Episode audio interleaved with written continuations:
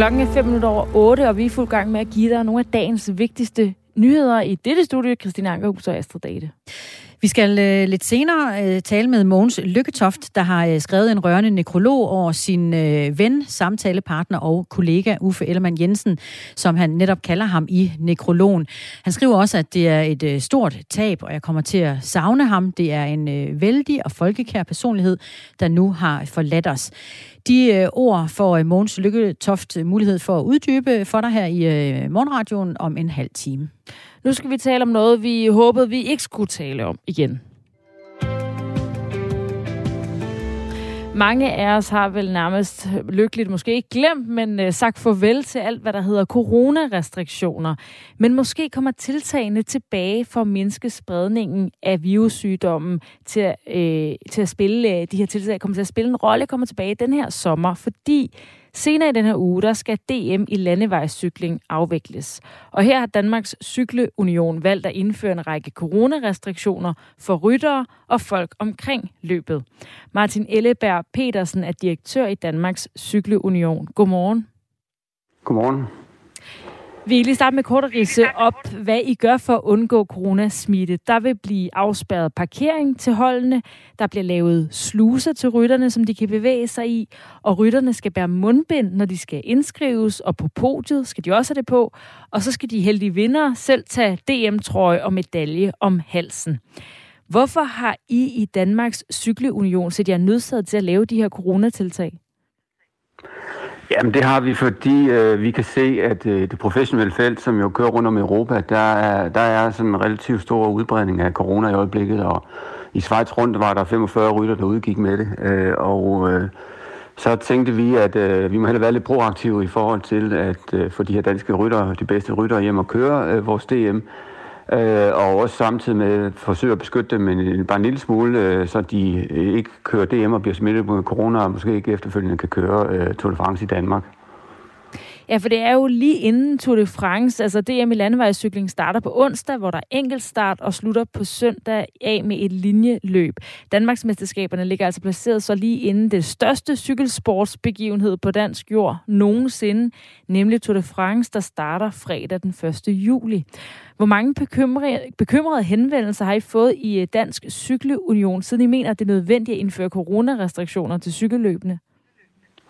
Jamen, vi har faktisk ikke fået nogen, øh, men vi har selv øh, jo fulgt med i, hvad der sker rundt omkring i Europa, og så, øh, da vi så det i sidste uge, så, så satte vi os sammen og sagde, at vi, lad, os, øh, lad os prøve at kigge på, hvad vi kunne gøre af sådan minimum tiltag for og ligesom at være ja, lidt proaktive på det, øh, og så sørge for, at, at vi det mindste kan beskytte øh, en smule i forhold til øh, den coronasmitte, som, som eksisterer. Hvis der ikke er en øh, bekymring blandt de danske ryttere, og der jo heller ikke er en smitte i Danmark, som der er lige nu, hvorfor så indføre restriktioner? Jamen, fordi den bekymring, den kan jo hurtigt opstå, øh, og vi har allerede også hørt om, øh, om nogle af rytterne, som, som overvejer, om de skal deltage eller ej.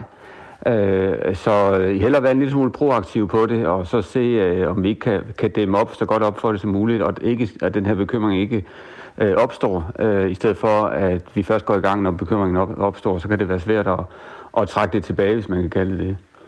Hvilke overvejelser har I haft i forhold til, at øh, det jo ikke er nogle restriktioner, som myndighederne har anbefalet, heller ikke proaktivt? Øh, jamen, det har vi jo haft i overvejelser omkring, at, at vi, der var også andre ting, vi kunne gøre. Vi kunne også bede dem om at blive testet, vi kunne, uh, kunne uh, sige, at de skal fremvise coronapas osv., men det, det vil vi valgt ikke at gøre, fordi det synes vi sådan er overdramatiseret det. Men, uh, men det her med mundbind og bede om at holde lidt afstand og så afs, afskærme uh, rytterne fra, fra publikum, når de varmer op og når de kører frem og tilbage til, til startrampen, uh, det mener vi er sådan uh, et, et, et fint niveau af tiltag, vi gør, uden at uden at overdramatisere det i et land, hvor vi i øvrigt ingen restriktioner har. Og så, og så er det i øvrigt, det vi gør her, er faktisk det, som de, øh, de professionelle rytter, altså World Tour rytterne, de er vant til i, i dagligdagen, fordi til, til de normale løb, øh, de kører rundt om Europa, der er der faktisk de her restriktioner. Hvad frygter I, øh, der kunne ske, hvis I ikke havde de her tiltag? Jamen, vi kunne have frygte, at, at for det første alle de her 25 World Tour rytter, vi har, at de vil sige, at vi vil ikke komme, fordi det er for risikabelt for os i forhold til øh, den videre sæson og, og det der Tour de France, der er i Danmark lige om lidt. Øh, det var den ene ting, og vi, vi kunne også frygte, at der er, så er nogen, der bliver smittet. Det kan vi ikke garantere, at der ikke er alligevel, men vi har i hvert fald øh, øh minimeret det en lille smule. Øh, men, og så kan vi frygte, at, at de ikke vil, øh, at de blev smittet til, til DM, og måske ikke kunne stille op i Tour de France øh, ugen efter sagde Martin Elleberg Petersen, direktør for Danmarks Cykelunion, der altså har lavet coronatilsag i forbindelse med DM i landevejscykling, som afvikles senere på ugen. Og vi skal høre, om der er grund til at have den her bekymring og lave de her tilsag fra Viggo Andreasen, som er lektor i matematisk epidemiologi ved Roskilde Universitet. Godmorgen. Ja, godmorgen. Kan coronasmitte potentielt spolerer, øh, altså ved DM spolerer Tour de france hos danske cykelryttere? Ja, det kan det desværre nok godt. Øhm, vi er faktisk i den situation i Danmark nu, at vi har en stigende smitte, og ja, vi finder godt og vel 1000 nye smittetilfælde om dagen. Øh, og da vi ikke tester ret meget, så er mørketallet formentlig ret stort. Så man skal forestille sig, at i den danske befolkning er der faktisk en hel del coronasmitte lige i øjeblikket. Det er ikke noget, vi er så bekymrede for, fordi man bliver ikke virkelig alvorligt syg, og risikoen for at dø af det her er, er meget lille. Så, så øh, hvis den forsvinder, så, så, så det er ikke som et, et folkesundhedsproblem. Øh, specielt bekymrende, at der er det her vækst i, i antallet af coronatilfælde. Men lige præcis for cykelryttere kan jeg godt se, hvis de bliver smittet med corona, øh, så kommer de formentlig til at udgå af løbende, og i hvert fald så har jeg, kunne jeg forestille mig, at mange af dem vil have svært ved virkelig for alvor at præstere, hvis de også har en, en lidt ubehagelig øh, infektion i, i, i luftvejen. Vi har fundet en sms fra Katarina på 1424, der skriver, Jøsses massehysteriet vil åbenbart ingen, ingen ende tage. Det er en forkølelsessygdom, så stop nu tak. Har hun ret i, at det er noget øh, hysteri, altså at lave de her tiltag for noget, som hun altså kalder en forkølelsessygdom? Øh, ja, nej. Altså for, for resten af befolkningen ville det være helt vanvittigt at give sig til at lave restriktioner og nedlukninger. Men, men man skal lige tænke på, at hvis en cykelrytter bliver smittet, så kan det godt være, at vedkommende ikke bliver specielt syg, men det har store konsekvenser, fordi så er vedkommende jo nødt til at holde op med, med cykelturen. Øh, og vi har jo set i Schweiz rundt, at det er meget nemt i sådan en, en cykelturneringssammenhæng øh, øh, sammenhæng at få smittet de andre ryttere. Så, så det, man risikerer med et cykelløb, det er simpelthen, at der er rigtig mange af cykelrytterne, der bliver nødt til at gå ud, fordi de er blevet smittet. Og det er også... Så lige i den sammenhæng kan jeg godt forstå, hvorfor at Dansk Cykelunion øh, prøver at forhindre smitten i at sprede sig. Og det er også selvom, at det jo er unge, raske mænd, der sætter sig i sadlen, og at den smitte, vi ser lige nu i Danmark, ikke er i nærheden af, hvad vi jo har prøvet før.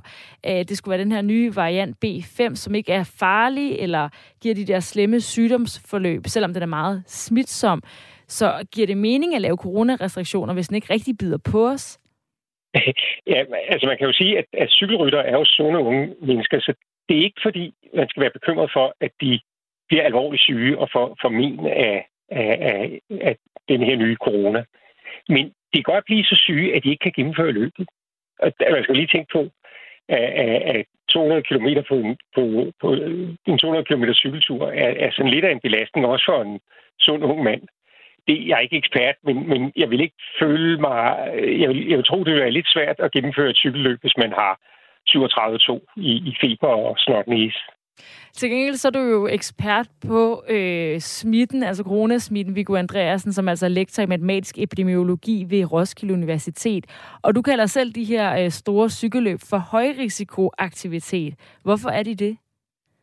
Jamen, det er de, fordi det er jo, øh, Øh, vi, vi kender den jo godt, det er jo rigtig mange mennesker sammen, og specielt for cykelrytternes vedkommende er det jo øh, de er tæt sammen, de flytter omkring hele tiden. Det er svært at opretholde alle de her restriktioner og hygiejnekrav. Og øh, når, når, når vi kører på det, så er det jo altså det her med, at selvom de ikke bliver alvorligt syge, så risikerer de at skulle udgå af løbet, og øh, specielt sådan noget som Tour de France, hvis man tænker på det, så kan der faktisk nå at være tre smittekæder i sådan en, en øh, gruppe, der, der kører Tour de France. Og det vil sige, at man kan godt risikere, at måske kun halvdelen af cykelrytterne når frem til Paris, hvis man ikke passer lidt på. DM i landevejscykling og i særdeleshed de første tre øh, etapper i Tour de France, som jo øh, kommer til at foregå i Danmark og kommer til at tiltrække rigtig mange cykelglade danskere. Det kan jo også betyde, at man øh, jo øh, følger de her begivenheder fra tætteste hold og samler sig. Bør man have den her coronabekymring, som øh, arrangørerne i hvert fald har i baghovedet, hvis man skal ud og se nogle af de her cykelløb? Altså arrangørens bekymring er for cykelrytterne. For, for tilskuerne kan man sige, ja, der er en, en forhøjet risiko for at blive smittet. Men, det, men da vi ikke regner med, at det er en sygdom, der er særlig alvorlig, så er det jo noget, vi alle sammen kan leve med. Så vil det faktisk være hysteri at, at tage det alt for alvorligt. Øh, jeg har været ude at sige, at, at man skal måske lige tænke sig om, hvis man skal til 90 års fødselsdag, nogle få dage efter man har været tilskuer, fordi øh, man kan godt risikere at blive smittet. Og den allerældste og mest sårbare del af befolkningen øh, skal nok helst ikke smittes. Så jeg vil nøde være den, der var til cykeltur, og så tre dage efter gik over og smittede øh, en 90-årig pårørende. Så helt ligeglad kan man ikke være, selvom at man måske ikke er en af dem, der skal være med på øh, nogle af etaperne i Tour de France? Nej, nej, nej, men, men, men, men det er den specielle situation, hvor du virkelig, virkelig helst ikke vil være smittet 3-4 dage efter. For de fleste af os, øh, så skal man tænke på det ligesom, at du vil jo også gå til cykelløb, selvom du vidste, at der var lidt forkølelse i omløb. Sådan sagde Viggo Andreasen. Tak fordi du var med, lektor i matematisk epidemiologi ved Roskilde Universitet.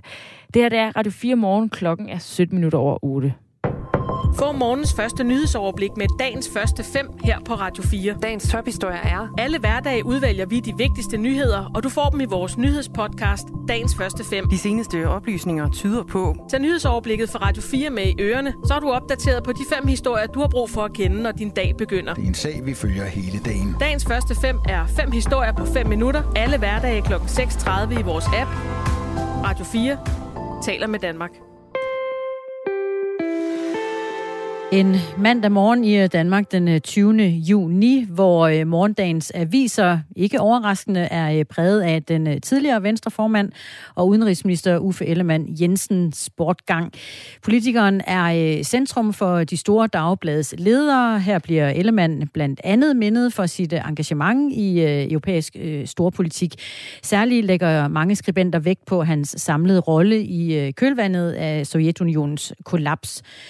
I øh, en avis, nu skal jeg lige se, hvor det var, det var øh, i politikens, øh, nej, i Berlinskes leder, der står, øh, man siger, at Uffe Ellemann Jensen var den bedste statsminister, Danmark aldrig fik. Omvendt er det ikke for meget at konstatere, at han måske var den største statsmand, Danmark rent faktisk fik. Ja, det var i, øh, i Berlinske, der står det her til morgen, og det bliver øh, uddybet med konstateringen om, at Danmark under øh, udenrigspolitisk ledelse af Ellemann var det første land i verden til at indlede diplomatiske forbindelser med de baltiske lande. Og det er en historisk beslutning, der også bliver husket i øh, politikken. Der står i dag, Mest visionær og modig var nok beslutningen om at lade Danmark gå forrest og anerkende de baltiske landes selvstændighed, da de løsrev sig fra Sovjetunionen i 1990.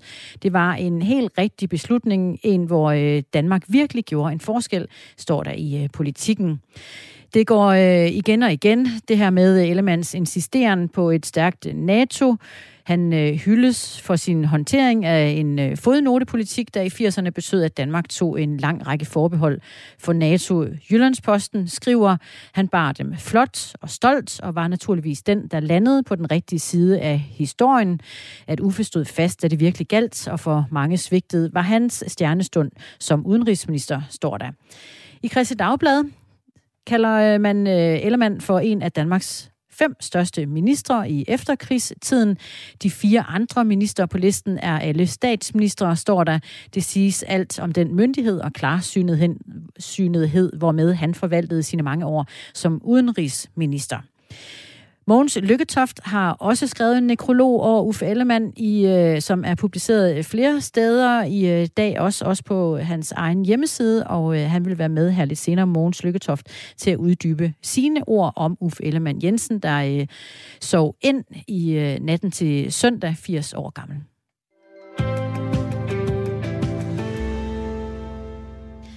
Franske vælgere har øh, tildelt Macron koalitionen en syngende losing. Det står øh, fast efter gårdsdagens parlamentsvalg.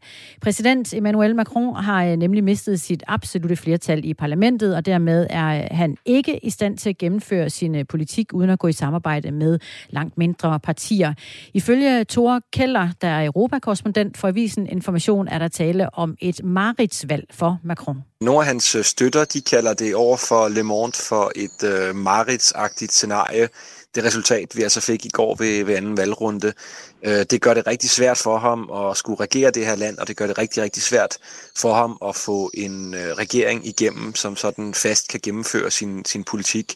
Så mange af de store reformer, som han har lovet at lave, blandt andet en pensionsreform osv., øh, det får han rigtig svært ved at få igennem øh, nu i det, det her nye franske parlament. Macrons parti Ensemble sikrede sig 245 pladser i det franske parlament ud af i alt 577 pladser. Et absolut flertal kræver 289 mandater, og det er det, han altså har mistet. Resultatet kan gøre det vanskeligt for Macron at lave nye reformer på blandt andet pensionsområdet, som Thor Keller siger, fordi det nu altså vil kræve enighed med partier fra oppositionen. Og det bliver svært, mener Thor Keller.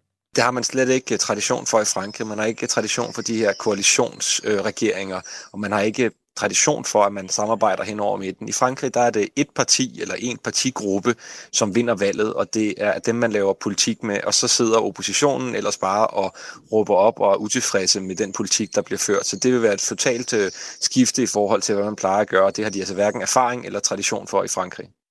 Og hvad værre er for Macron, så fik den franske præsidents rival på højrefløjen Marine Le Pens parti National Samling et godt valg. Vælgerne gav National Samling 89 pladser, hvilket er mere end en tidobling i forhold til partiets nuværende antal pladser i parlamentet. Ifølge Thor Keller er National Samling gårdsdagens helt store vinder det er et stort gennembrud for dem, øh, og i første omgang vil det i høj grad betyde, at de får flere penge, øh, de får mere offentlig støtte, øh, og derfor vil de kunne udbygge deres øh, partiapparat, de vil kunne lave øh, mere sådan øh, offentlighed om sig selv, og så vil de kunne tilbagebetale øh, nogle af de lån, som de har hos ungarske og russiske banker til øh, at finansiere valgkampen. Øh, så for dem er det en god nyhed, det her. Det er det bedste resultat for Le Pens tropper i den 5. republiks historie, det vil sige altså i over 60 år. Tilbage står Macron som en svækket figur, når det også kommer til at fylde føre politik på den europæiske scene. Emmanuel Macron har jo været sådan den ledende skikkelse i europapolitikken de sidste fem år, og mange af de impulser og politiske ting, som, som vi har set gennemført i Europa, er kommet fra ham og er kommet fra hans, fra hans Frankrig. Øh, og han vil så, øh, hvis det her, øh, hvis han ikke lykkes med at finde sådan en, en gangbar koalition eller en gangbar, gangbar flertal, så vil han blive svækket indrigspolitisk, og det vil gøre, at han udadtil også vil få nogle større, større problemer med at kunne signalere over for Tyskland osv., at han altså kan lave øh, reformer af, af Frankrig, og det kan potentielt svække hans øh, rolle udadtil. Omvendt er det også vigtigt at sige, at øh, en fransk præsident, det er altså ham, der fører udenrigspolitikken, det er ham, der fører europapolitikken, og det er ikke noget, som, som han skal have parlamentets flertal for. Det er sådan en del af den franske forfatning, at det er præsidenten, der sådan suverænt øh, fører den slags. Sådan sagde Thor Keller, der er Avisen Informations europakorrespondent. Valgdeltagelsen i går var særdeles lav anden runde, fik kun 53,77 procent af de stemmeberettigede franskmænd til valgstederne.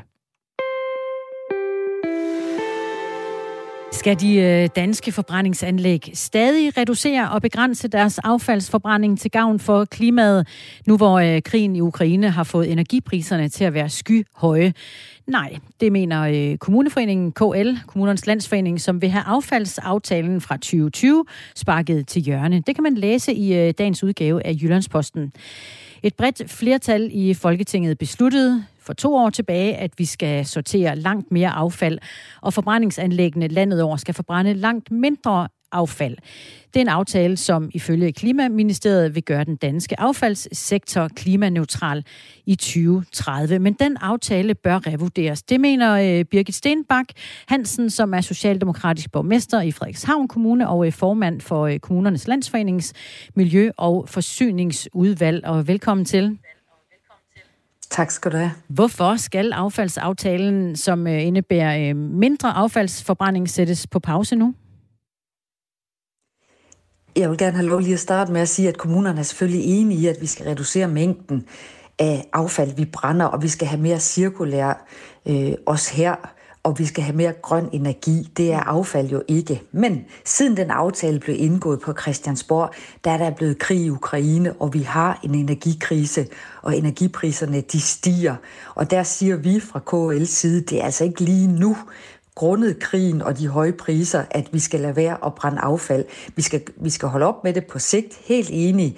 Men gas skal udfases, og kul og olie, det er ikke en god, et godt alternativ. Og alt imens vi omstiller på fuld hammer, var jeg lige ved at sige, med vindmøller, solcelleranlæg, biomasseanlæg osv., der siger vi, det er altså lige en god idé at vente med det her, for så har vi noget billigt og godt, og også noget, vi arbejder med at gøre energirigtigt, miljørigtigt og putte i fjernvarmeanlægene rundt i Danmark. Jeg er glad for, Birgit Stenbak, at du øh, siger, at kommunernes landsforening også bakker op om en grøn udvikling, trods alt. Men nu skal den sættes på pause. Hvorfor er det vigtigere altså lige nu at gøre det? Det er det, fordi at der er sket noget siden, at man indgik det her forlig, nemlig at der er blevet krig i Ukraine, og vi er helt enige i, at vi skal udfase gas og olie og alle de her fossile brændstoffer. Og, og igen, affald er heller ikke øh, det rigtige at fyre med, men det er trods alt noget af det rigtige i en overgangsperiode. Og vi skal bidrage alt det, vi kan, også i Danmark, også fra kommunernes side, men vi har fået en fast hånd i ryggen, at vi skal have nogle øh, solcelleranlæg og nogle vindmøller op på land. Det gør man altså ikke hen over natten. Og vi skal nok nå at øh, udfase det her affald. Men lige nu er der jo kommet en, en, en voldsom ting ind fra siden, nemlig krigen, og vi har brug for noget på de fjernvarmerørene. Og derfor siger vi, det bliver, der skal man tage og vente, fordi det er billigt, og vi gør det også så miljørigtigt som muligt. Så øh, lad mig bare gentage mig selv, vi skal gøre det, men det er altså ikke lige nu. Vi synes, vi skal lige vente et par år, til vi har fået de andre vedvarende energikilder op at stå, og så er vi helt klar til at udfase det her. Men vi har brug for det nu til at putte i fjernvarme, fordi det er billigt, det er sikkert. Vi gør det så miljørigtigt som muligt, og vi har jo også brug for en forsyningssikkerhed. Og så skal vi altså også huske, at det er dyrt og, og, og tænde for varmen øh, lige nu. Og øh, andre steder i, i verden, der er der faktisk nogen, der venter med at udfase kernekraft. Så beder vi sådan i al beskedenhed om, at vi i, i med al respekt lille Danmark godt lige må vente lidt med at, at udfase, at vi bruger affald. Men, Men vi synes, det kniver lidt med, at folketingsmedlemmerne de lytter. Det er ligesom om, at de har taget skyklapper på og så siger, jamen vi indgik et forlig i 2020 der vil vi også gerne, at de lige ser, at tiden har altså ændret sig, nemlig at der er blevet krig i Ukraine. Så vi beder dem om at revurdere, for vi har behov for den affaldsenergi. Men du siger, Birgit Stenbak, øh, socialdemokratisk borgmester i Frederikshavn og øh, formand for KL's Miljø- og Forsyningsudvalg, at vi er bare lille Danmark, men vi skal vel også øh, bidrage alt, hvad vi overhovedet kan, og det er der, du øh, sætter foden i nu. Du bremser for den grønne udvikling. Hvorfor? Ah, jeg, jeg, jeg synes ikke, vi, vi bremser. Men, men det er jo, der er jo ligesom to ben i det her. Selvfølgelig skal vi over på helt grøn energi i Danmark. Det er kommunerne fuldstændig enige i. Men vi står altså også i en energikrise, hvor vi i en overgang beder om, at vi kan bruge en ret sikker øh, affalds, eller en ret sikker energikilde i en, i en kort periode. Og øh, det er selvfølgelig ikke, fordi vi skal hvile på laverbærene. Danmark går foran, det skal vi også. Kommunerne er vældig optaget af at gå foran her. Men der er jo sket det her, at, at, at krigen er kommet, og, og vi skal skynde os, selvfølgelig skal vi det, men man sætter altså ikke lige vindmøller og solcelleranlæg op hen over natten. Og derfor i en overgang, med streg under i en overgang, der beder vi om, at vi lige sætter den her aftale på pause, og at folketingsmedlemmerne også lige tænker, ja, der er sket noget alvorligt, der gør, at vi har brug for den her affaldsenergi et stykke tid endnu. Så øh, hvad er vigtigst? At være øh, en dansker, der har det godt på økonomien, eller en grøn dansker? Ah, men det er ikke et enten eller. Vi skal have en vis forsyningssikkerhed. Vi skal også putte det rigtige i, i rørene. Det er vi også optaget af. Vi skal omstille. Men tempo betyder selvfølgelig noget her, og dermed også økonomi. Så det er i en overgang, vi beder dem om at genoverveje beslutning, fordi vindmølle- og solcelleprojekterne altså tager tid. Vi har øh, her til morgen på Radio 4 forsøgt at få et interview med klima-, energi- og forsyningsminister Dan Jørgensen, men han har ikke øh, vendt tilbage på vores øh, henvendelse. Han siger til Jyllandsposten, at den aktuelle situation gør, at vi igen ser på sammensætningen af hele vores energiforsyning, men den ændrer ikke på, at klimaplanen for en grøn affaldssektor og cirkulær økonomi er et vigtigt skridt på vejen mod en klimaneutral affaldssektor.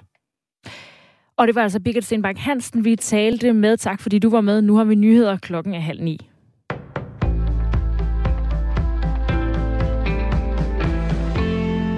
Jyske Bank har købt Handelsbankens aktiviteter i Danmark. Det oplyser banken i en fondsbørsmeddelelse. Handlen er betinget af myndighedernes godkendelse og forventes gennemført i fjerde kvartal i år. Jyske Banks ordførende direktør Anders Dam kalder opkøbet en attraktiv mulighed for at styrke vores markedsposition.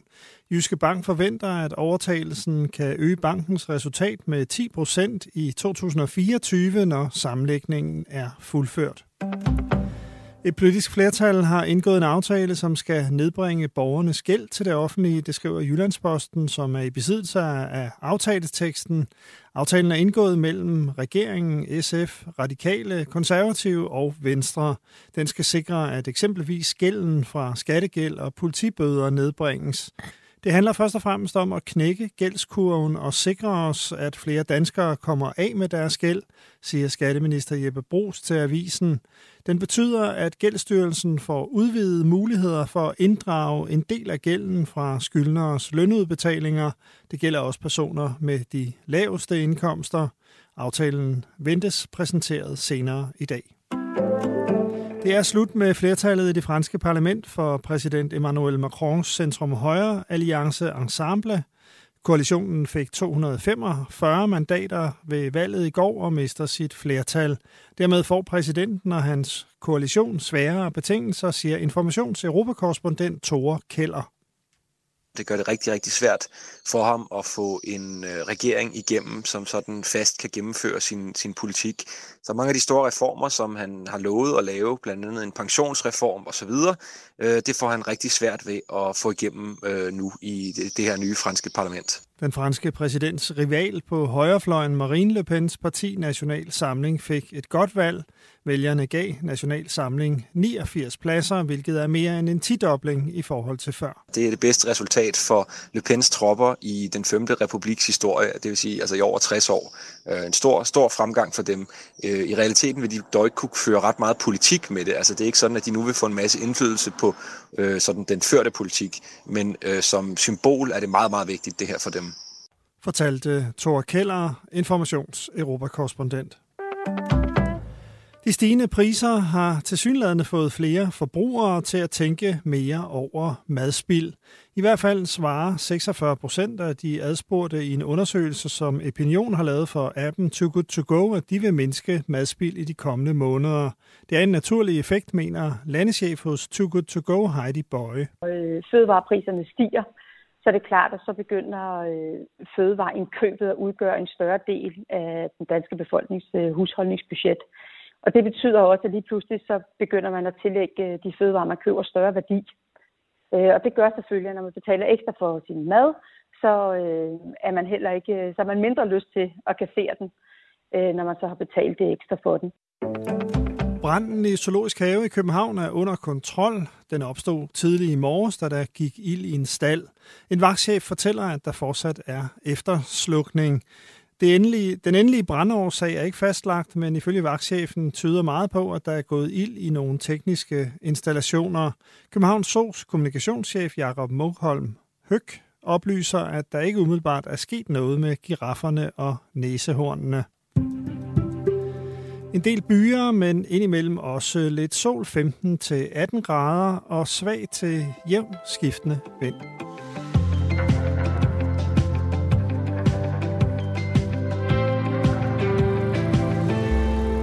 Radio 4 Morgen, det er øh, den kanal, du har stillet ind på Radio 4 med øh, Astrid Data og Christina Ankerhus, og det er blevet mandag morgen som endt.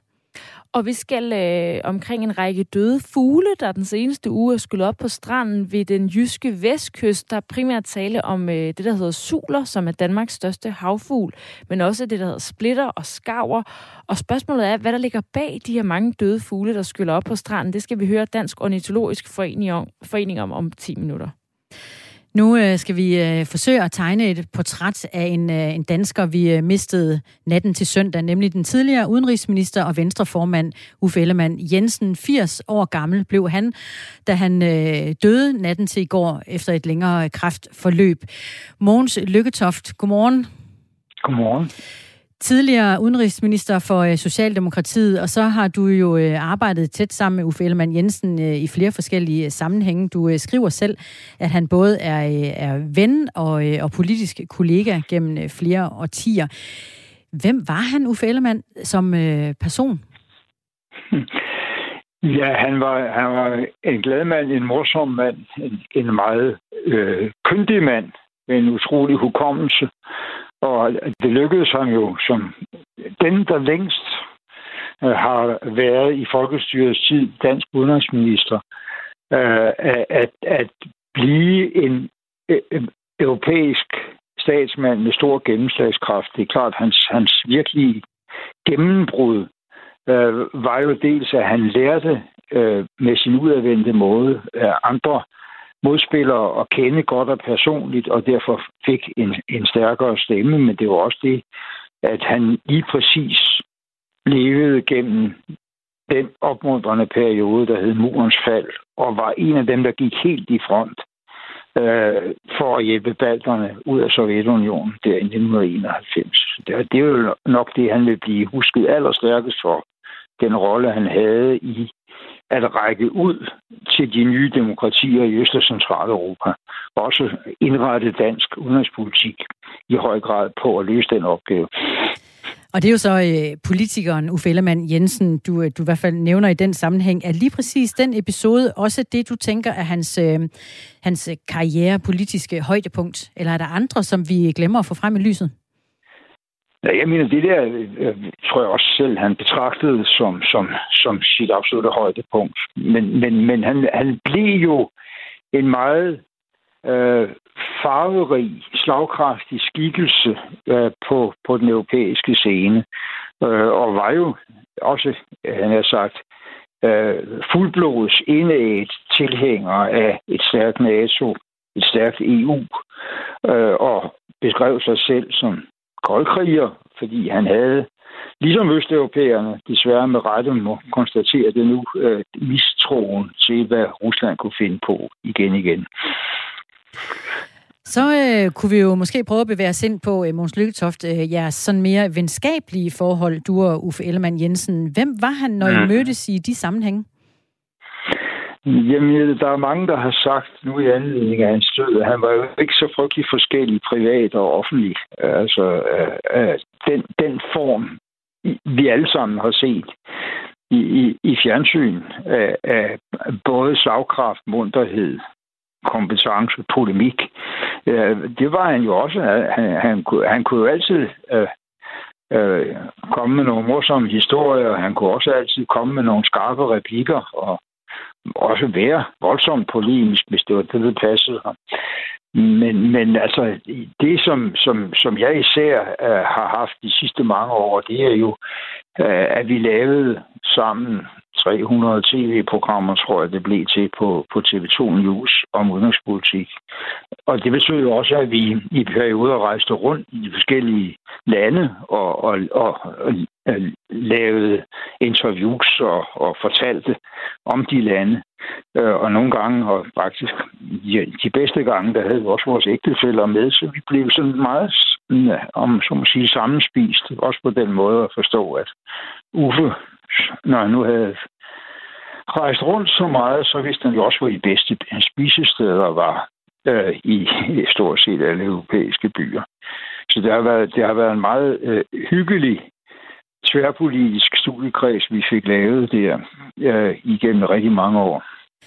Kunne I øh, snakke om andet end politik, når I sad over en god middag? Ja, det, ja, det kunne jeg selvfølgelig snakke om, hvordan vores liv i det hele taget var. Ikke? Men, men, men, men, men Men det er klart, at vi brugte jo meget tid på også sådan, øh, som dem, der var gået af, og, og snakke om, hvordan det så gik dem, der kom bagefter, ikke? som vi jo hver især havde forskellige former for aktier i. Øh, så, så det var jo meget, meget politisk i meget bred forstand diskussioner, men det var ikke politiske skænderier. Det var vi simpelthen blevet for gamle til. Vi kunne så drille hinanden lidt, men, men, øh, men øh, det var mest den der sum af jagttagelser, vi havde, der kunne bidrage til en analyse, der også kunne være til gavn for folk. Det var jo i øvrigt en af de ting, som, som øh, jeg tror, tv-kanalen oprindeligt regnede med, at vi skulle sidde og skændes, også om udenrigspolitik. Men, men det havde vi slet ikke nogen ambitioner om. Det meste af det var vi faktisk enige om, så vi ville hellere bidrage til, at folk blev klogere ved at supplere hinanden på, på analysen. Ikke? Mm. Og det, det blev faktisk et meget populært program af den grund. Ellemann og Lykketoft, ja. ja. Øhm, når I så også øh, ellers sad og snakkede her på jeres ældre dage, har I så kunne øh, kigge tilbage på nogle af de episoder, hvor I politisk har måske haft noget øh, kontrovers? Uffe Ellemann Jensen har øh, tidligere omtalt i øh, en episode i 95, hvor du med hans egne ord tog røven på ham. Socialdemokratiet havde regeringsmagten. Du var øh, socialdemokratisk finansminister. Det blev du i hvert fald, øh, og lavede en aftale, øh, en finanslovsaftale med de konservative, og fik på den måde skabt øh, splittelse forbindelse mellem de konservative og Venstre. Det er det, han kalder, at du tog øh, røven på ham. Hvad, hvad, hvad husker du om den episode? Jamen altså, det, det, er han jo, det er han jo sagt uh, meget direkte. Ja, de blev snydt ved den lejlighed, men det var fordi Venstre havde efter vores opfattelse skruet sig for meget op i de krav, de ville have imødekommet. Altså så meget, så, så regeringen kunne dø af det, og derfor så prøvede vi så prøvede vi også, om, om vi kunne øh, tale specielt med de konservative og skille venstre og konservative ad. Og det, det lykkedes ved den lejlighed. Det har ellers været svært at gøre øh, hver gang, havde jeg sagt. Men, men det lykkedes ved den lejlighed, det vil sige, at Venstre blev kørt ud på et sidespor. Og det, det, det havde jeg en stor andel i, og det kvitterede han sådan set anerkendende for. Han blev ikke sur på mig, han blev sur på hans engel, som var den, der indgik aftalen med, med os mm. ved den lejlighed.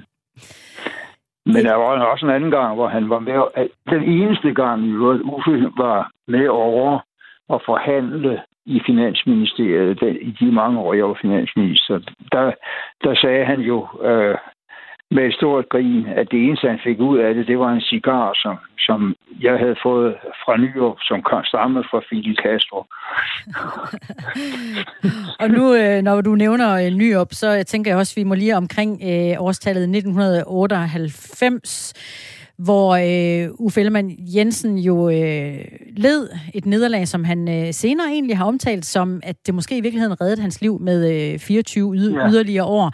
Altså, at det, det kunne have, have taget pippet fra ham og blive statsminister. Hvad, hvad tror du selv, han lagde i det nederlag?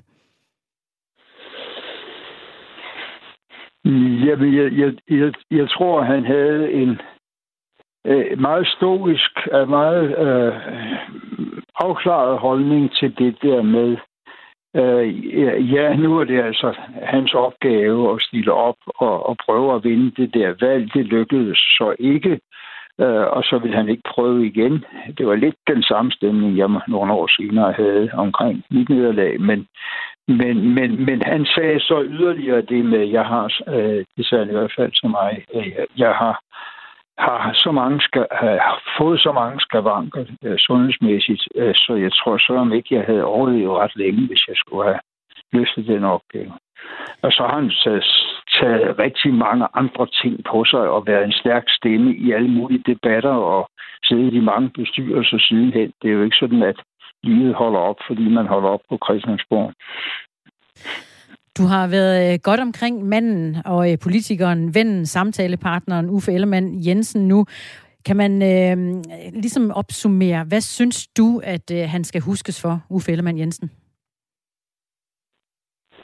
Han skal huskes som en meget stærk, farverig figur, som de fleste mennesker, øh, der var tæt på ham, kom til at holde af, selvom de kunne være uenige med ham. Men han skal også huskes som i kraft af sin lange, sit lange virke som udenrigsminister, og i kraft af, at han øh, stod der, da muren faldt, og udnyttede det så stærkt øh, i forhold til at, at, at fremme demokrati i vores østeuropæiske nabolande, så blev en meget stor udenrigsminister og en meget stor øh, statsmand.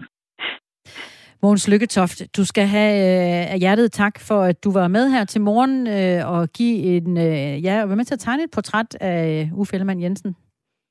Tak selv.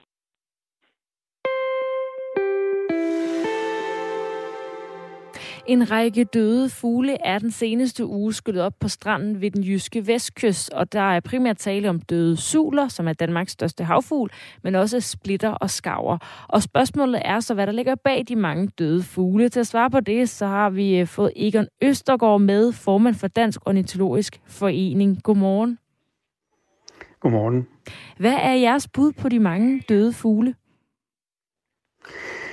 Ja, vores bud det er, det er fugleinfluenza.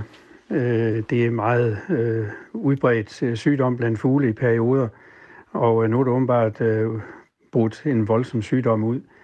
Vi ved fra, fra Skotland, at der er et meget stort udbrud i ynglekolonierne derovre. Så det er formentlig fugle derfra, vi ser skylle op på vestkysten nu. Hvad kan ellers forklare de mange døde fugle på vestkysten?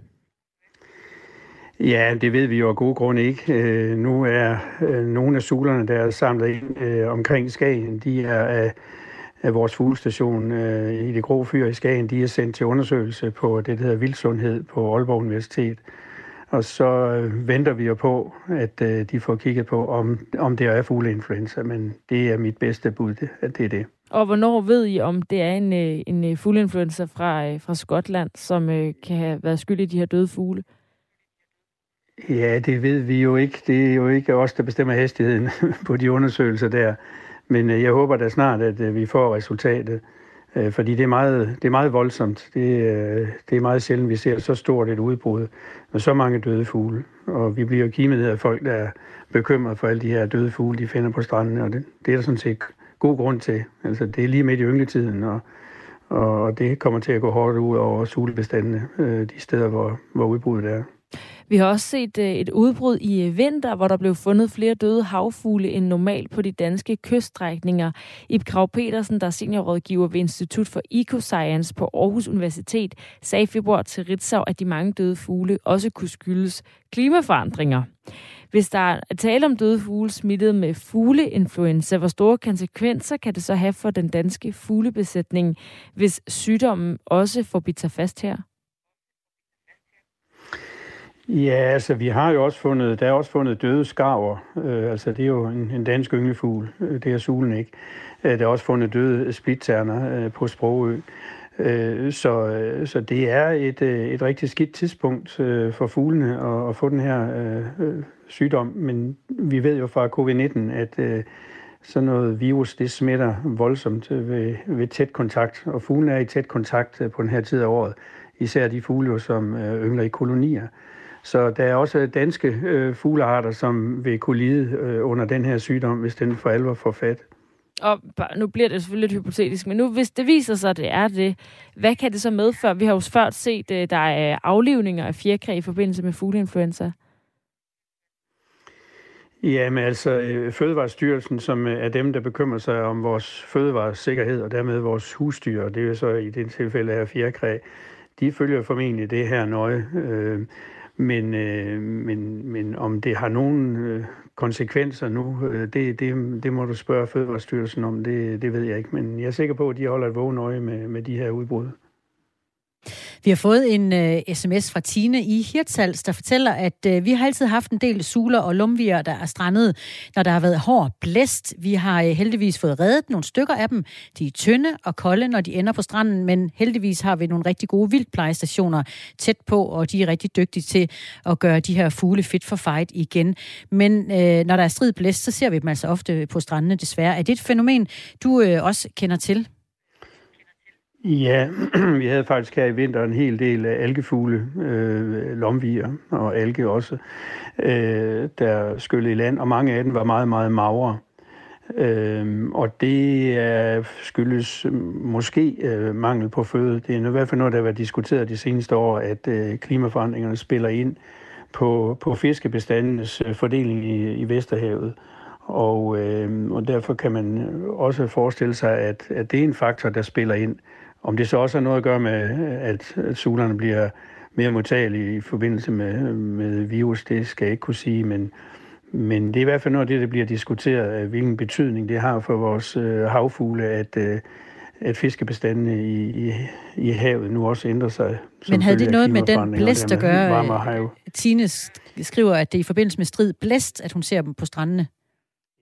Altså, blæst kan jo også øh, spille ind, fordi øh, fuglene må kæmpe mere og bruge meget mere energi, øh, når der er hård blæst, og de er jo på havet øh, hele tiden, også under blæsevejr. Så, mm. så vi ser tit, at efter hårde storme, at der, der skyller øh, fugle i land, og det er formentlig nogen, der, der er afkræftet, afkræftet enten af sygdom eller, eller sult. Er der nogle fugle, der er mere øh, i større risiko end andre? Øh, for, for fugleinfluenza, eller hvad? Ja. Nej, alle fugle kan få fugleinfluenza. Det, det ses også blandt småfugle. Øh, øh, så og der er også andre virussygdomme, som fuglene kan få, hvis de er tæt sammen om vinteren, for eksempel ved, ved foderbrænder. Så, øh, så i naturen så er det naturligt, at der er jo sygdomme, som, som regulerer bestandene. Øh, vi har også set udbredt sygdom blandt sæler øh, med års mellemrum. Så, øh, så det, det er jo sådan, det fungerer derude. Øh, det, der er sygdomme, der florerer, og så går bestandene ned, og så går den nogle år, og så bygges bestandene langsomt op igen. Og de her mange døde fugle på vestkysten, de er altså ved at blive undersøgt, så vi ved endnu ikke, om det er den her fugleinfluenza fra Skotland, der er skyld i, at de skyller op på stranden ved den jyske vestkyst. Egon Østergaard, formand for Dansk Ornitologisk Forening. Tak fordi du var med i Radio 4 morgen. Vi kan konstatere her til morgen, at der er historisk lange ventetider på øh, nye biler i øjeblikket, og det gælder helt særligt for elbilerne. En øh, Kia EV6, der øh, fik øh, titlen som årets bil i Europa tidligere i år, har lige nu op til 14 måneders leveringstid. Og øh, skulle øh, måske du gå og drømme om en øh, Hyundai Ioniq 5, så kan du regne med at skal vente i op imod et år. En af dem, der venter på øh, netop sådan en, det er øh, Søren Åsen. Uha, det er godt nok irriterende.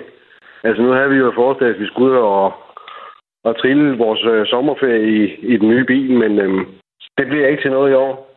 Søren øh, Åsen og øh, familie bestilte en øh, Hyundai Ioniq tilbage i november sidste år. Han skulle så oprindeligt have haft den leveret nu her i juni, eller måske juli, men det blev rykket frem til altså helt til november, december senere på året. Lige nu kører han og familien i en Skoda Octavia. Den kører på diesel, og det er altså brændstof, der lige nu koster 16 kroner per liter, og det er dyrt. Uh, det er rigtig, rigtig grimt. Som pensionist har man jo ikke så meget at gøre godt med. Så vores kørselsforbrug det bliver skåret rigtig meget ned. Så øh, kørsel ud i den store natur og, og nyde, den, det er meget, meget, meget, meget let, der sker i øjeblikket.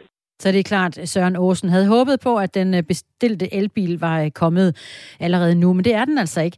Han er ikke den eneste, der venter på en ny bil. Det fortæller Søren Rasmussen, der er bilteknisk redaktør på FDM's medlemsblad Motor. Det er jo en historisk øh, situation, fordi den adskiller sig fra alt det, vi har set tidligere ved at omfatte næsten alle nye biler på markedet, og det betyder, at øh, uanset om man skal have den ene eller den anden bil, så skal man altså væbne sig med meget stor tålmodighed. Årsagen til de øh, lange ventetider er ifølge Søren Rasmussen fra FDM et samsurium af en masse omheldige omstændigheder. Dels har vi en global krise, der handler om, at der er større efterspørgsel efter de her halvledere, eller chip kalder man dem også. Men alt det her, det er blandet sammen med leveringsproblemer, blandt andet på grund af, at man havde et skib, der sad på tværs af Suezkanalen. Man havde lukket havnene i Kina på grund af coronanedlukninger, og man har nu oven i det hele en krig i Ukraine, der gør, at øh, underleverandører til bilfabrikkerne ikke kan levere varer. Og når der er så lang ventetid på de nye biler, så går det ud over bilforhandlerne. Det fortæller Jesper Søgaard, som er kommunikations- og marketingchef hos Autohuset Vestergaard. Det har den konsekvens, at, øh, at, at nybiltallet er, er lavere, end, øh, end det har været historisk, øh, og, og forrige år også. Øhm, og det har jo den konsekvens, at vi, ja, vi selvfølgelig ikke sælger det antal nye biler, som, som vi kunne have gjort, eller som vi tidligere har gjort. Vi forsøger jo at holde på kunderne så godt vi øh, ved hovedet kan og finde alternative løsninger til dem. Men, øh, men det er klart, det, øh, det antal nye biler, som vi solgte tidligere, det, øh, det gør vi ikke øh, lige nu i hvert fald. Til gengæld er der flere, der køber i brugte biler. Brian Osbæk, der ejer Osbæk Laversen Cars, der udelukkende sælger brugte biler, oplever, at folk rigtig gerne vil hen til ham og købe en bil nu. Der er en øget efterspørgsel efter de, de, de hvad skal sige, primært grønne biler, de elektriske biler, øh, er der meget stor fokus på. Øh, og i nogle tilfælde sælger man altså biler til over nyvognsprisen. Øh, det er stadig ikke, man kan sige, det helt brede billede, men på nogle, eksempelvis nogle af de modeller, modeller som du øh, kan sige, indledningsvis nævnte, det er altså nogle af dem, som, øh, som bliver solgt til over nyvognspriserne i Danmark. Men selvom Søren Åsen, det var øh, kunden, vi talte med lige før, måske kunne få øh, en brugt bil hurtigere end en ny, så er han altså fast besluttet på at vente på sin bestilte bil. Jeg vil gerne vente til, til der kommer en ny, og så, øh, for jeg tror, det bliver den sidste bil, vi skal, vi skal til at investere i, og derfor vil vi godt have en helt ny fra start af. Og sådan lyder det fra øh, en tålmodig mand, Søren Åsen, der har øh, ventet på sin drømmebil siden november sidste år, og øh, alt ser altså ud til, at han skal vente altså frem til, det bliver november igen. Vi er jo lige på øh, tærsklen til den store sommerferiesæson, og alt efter hvor man tager hen, så er der jo øh, rig mulighed for at lade sig underholde af eksotiske dyr og optrædener til diverse shows på ferien. Jeg ved ikke, Christine, om du er sådan en, der har prøvet at ride på en elefant, eller en kamel, eller se nogle delfiner. Det eneste sted, jeg har reddet på en elefant, hvis du virkelig gerne vil vide det, det er i et cirkus i øh, Danmark, og det er så frygteligt flov over nu, men det er jo en helt anden historie. Ja, fordi at vi, øh, altså fra at det faktisk har været jo ret øh, populært, så er der, og noget som mange danskere har benyttet i en årrække, så er det ikke længere sådan, det skriver Ekstrabladet. Det er kun 7% af den danske befolkning, der i dag vil sætte sig på ryggen af en elefant, mens 12% fortsat kunne finde på at se et delfinshow. Det er der simpelthen lavet en undersøgelse af fra Analyseinstituttet YouGov, som har foretaget det for dyrevelfærdsorganisationen World Animal Protection i 2022. Og der er også en øh, fremtidsforsker i Ekstrabladets artikel, der hedder Anne Skare, som øh, har to begreber, jeg ikke har hørt om før. Men det ene, det er eskapisme, turisme, og det andet er idealisme-turisme. Og vi er altså gået fra eskapisme-turisme, hvor vi bare gerne vil på pomfritferie og flygte fra øh, arbejde, og det er hårdt, og det er slidsomt, og ferierne, det skal bare være hygge og delfinshow, til at øh, vi gerne vil på nogle bæredygtige ferier og er blevet mere bevidste, og øh, altså det her idealisme-turisme, og at hverdagslivet, det nu handler om, at det skal give mening og livskvalitet, og det ikke er noget, vi flygter fra, og heller ikke, når vi skal på ferie. Og vi vil ikke have dårlig samvittighed. For eksempel den, du har over den der cirkusoplevelse, Præcis. Christina. Ja. Det gider vi ikke, så nu, øh, nu går vi altså udenom elefanterne. Men må jeg stadigvæk få pomfritter? Du må få alle de pomfritter, du vil, især når du er på ferie. Og der er også nogle, øh, hvis du lige vil have tipsene, så er det sådan noget med at undgå shows med vilde dyr. Øh, man kan jo se dem i naturen. Altså det er jo ikke sådan, man så aldrig får lov at se en elefant øh, eller i zoologisk have. Og så kan man øh, undersøge dyrenes trivsel og så videre, i stedet for at, øh, bare gå ind det første det bedste sted, når man er på ferie. Ja, det er sådan en øjenåbner de senere år, øh, oplever jeg i hvert fald personligt, at øh, vi ikke bare skal gå ind og se de her shows, men at øh, jeg tænker i hvert fald over, hvordan dyrene har det. Og ikke mindst, fordi jeg har to nysgerrige øh, teenage-piger, som altid øh, spørger ind til, hvordan har de her dyr det egentlig, der hvor de bor henne i øh, stallen bagefter. Og der har jeg jo i mange år måttet sige, jeg aner det ikke. Jeg tror i virkeligheden ikke, de har det ret godt. Og så er det godt, man er journalist, så må du tage et stort research-teleskop frem, og så kigge øh, igennem mængden af de her øh, dyreinternater og se, hvordan har man det egentlig, hvor meget plads skal de have, før de er glade, fordi det kan godt se lidt trist ud. Ja, det kan det altså godt. Jeg kommer pludselig til at tænke på, at jeg har faktisk set en elefant i Thailand en gang, der havde nogle øh, frygtelige sår, øh, fordi den hele tiden blev prikket af en, af en stok, når den skulle rundt med de her turister. Ja. Ja, det, det gør lidt ondt, øh, og specielt når man har så måske kommet til at støtte noget af det engang, ikke? Jo, men øh, nu er det øh, en anden tid, og vi er blevet klogere. Vi vil have bæredygtige og øh, dyrevenlige ferier, lyder det altså i Ekstrabladet i dag. Ja, god pointe.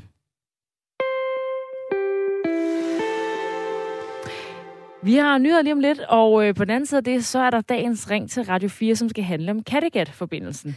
Gennem mange år har øh, tanken om en bro, der forbinder Jylland og Sjælland over Kattegat, nemlig øh, rumsteret, og nu er resultatet af en længe ventet forundersøgelse landet. 60 millioner kroner fra øh, skattekassen har den forundersøgelse kostet, og den afleverer så, da da, ingen klare svar. Transportminister Trine Bramsen siger i en pressemeddelelse, at forundersøgelsen ikke giver grundlag for at igangsætte projektet. Samtidig er øh, planerne dog ikke gået helt i stå. Det fremgår nemlig af selv samme pressemeddelelse, at der skal laves flere mindre undersøgelser af miljø- og klimapåvirkningen ved projektet. Og ministeren øh, mener da også, at det er et stort potentiale for en Kattegat-forbindelse. Og det er altså den, der skal gå fra Sjælland til Jylland? Ja, hen over Samsø, eller forbi rundt om på en eller anden måde. Ja, ramme Samsø. Er det til, tid til at lægge den her idé om en Kattegat-forbindelse helt i graven, eller er der et stort potentiale i en bro, der altså forbinder Jylland og Sjælland? Du kan allerede øh, ringe nu på 72 30 44 44, eller sende en sms, hvis du vil være med i debatten. Så øh, er Ida Sofie selv op klar på øh, den anden side nyhederne med en Teams ring til Radio 4. Her var det Radio 4 morgen med Astrid Date og Christina Ankerhus. Nu er der nyheder. Klokken den er ni.